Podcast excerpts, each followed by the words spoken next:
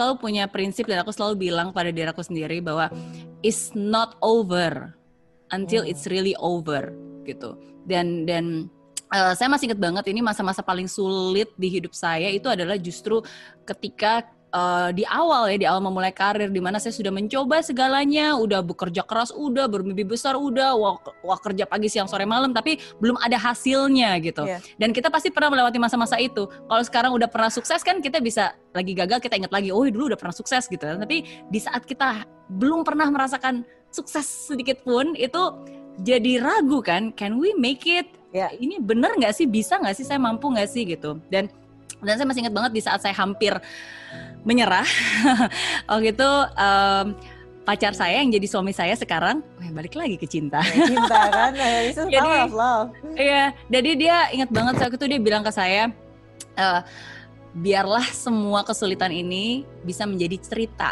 yang bisa kita ceritakan kepada anak dan cucu kita nanti ketika kita sukses gitu. Dan uh, satu kalimat yang sangat sederhana itu selalu efek banget membuat saya bangkit lagi. Kenapa? Karena saya selalu ngebayangin kalau saya udah tua nanti saya udah jadi nenek-nenek gitu. Saya selalu ngebayangin saya pengen banget kumpulin cucu-cucu. Terus saya bisa ngomong ke mereka, tahu nggak ya nenek dulu ya nggak pernah menyerah.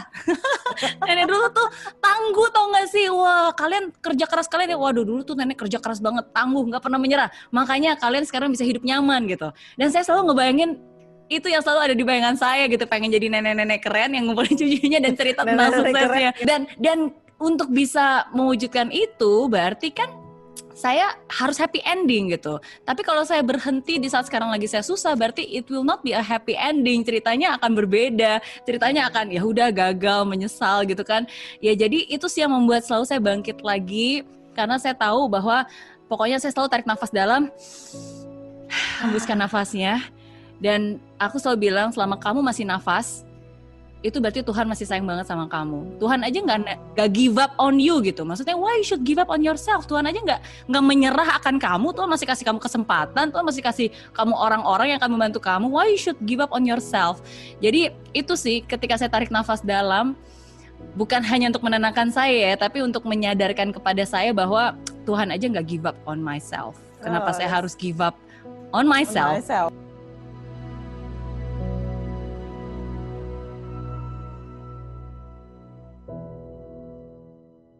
Block him from every communication.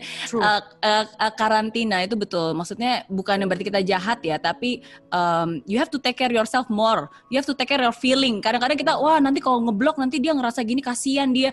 Kamu kasihan sama dia tapi kamu nggak kasihan sama diri kamu sendiri, sendiri. gitu. Iya hmm. kan? Maksudnya is fine dan anyway kan ini juga temporary. Makanya orang pun kalau misalnya ada bermasalah dia harus direhabilitasi. Direhabilitasi berarti dia nggak boleh bertemu dengan orang-orang supaya itu proses proses penyembuhannya dia gitu. Jadi kamu pun juga harus seperti itu. Kalau kamu harus kalau misalnya memang memang udah parah banget kamu bisa ngeblok no communication termasuk juga teman-temannya supaya kamu nggak diingatkan terus menerus. Nah, tapi yang paling penting nih khususnya buat perempuan dan yang membuat mereka sakit itu adalah karena mereka mungkin masih berharap bahwa mungkin bisa balik lagi, mungkin dia berubah. Kadang itu loh yang lebih menyakitkan karena uh, pemikiran-pemikiran seperti itu. Aku selalu bilang nih, just like in relationship ya. Jadi kalau relationshipnya itu udah uh, hancur, pecah retak, sama seperti gelas gitu yang udah udah hancur dan itu udah udah menyakiti kamu gitu ya, udah udah hancur berantakan ke mana-mana kan belingnya. Jangan berusaha untuk ngumpulin beling-belingnya dan berpikir bahwa dengan lem terus kamu akan bisa membuat gelas itu tuh lagi. Aduh, dan itu yang itu yang menjadi kesalahan banyak orang gitu. Jadi dia ngumpulin belingnya, terus berdarah kan, luka dikit nggak apa-apa deh. Yang penting nanti bisa saya lem lagi bisa. Tapi in the process of ngumpulin beling-beling itu, kamu melukai diri kamu sendiri. Jadi ya you should know kalau memang orang itu sudah menyakiti kamu. Um, then he's not the one for you. You deserve better.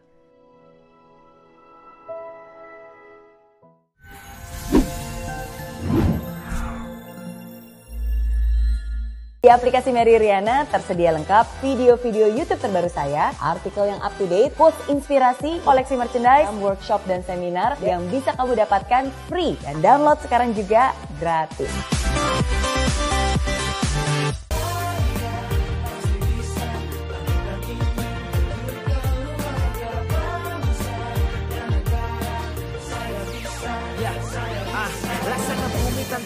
Hujan, hidup tanpa tujuan kering dan mati tanpa hijaunya tumbuhan ah. Demikian kalau mimpi tak kunjung terjadi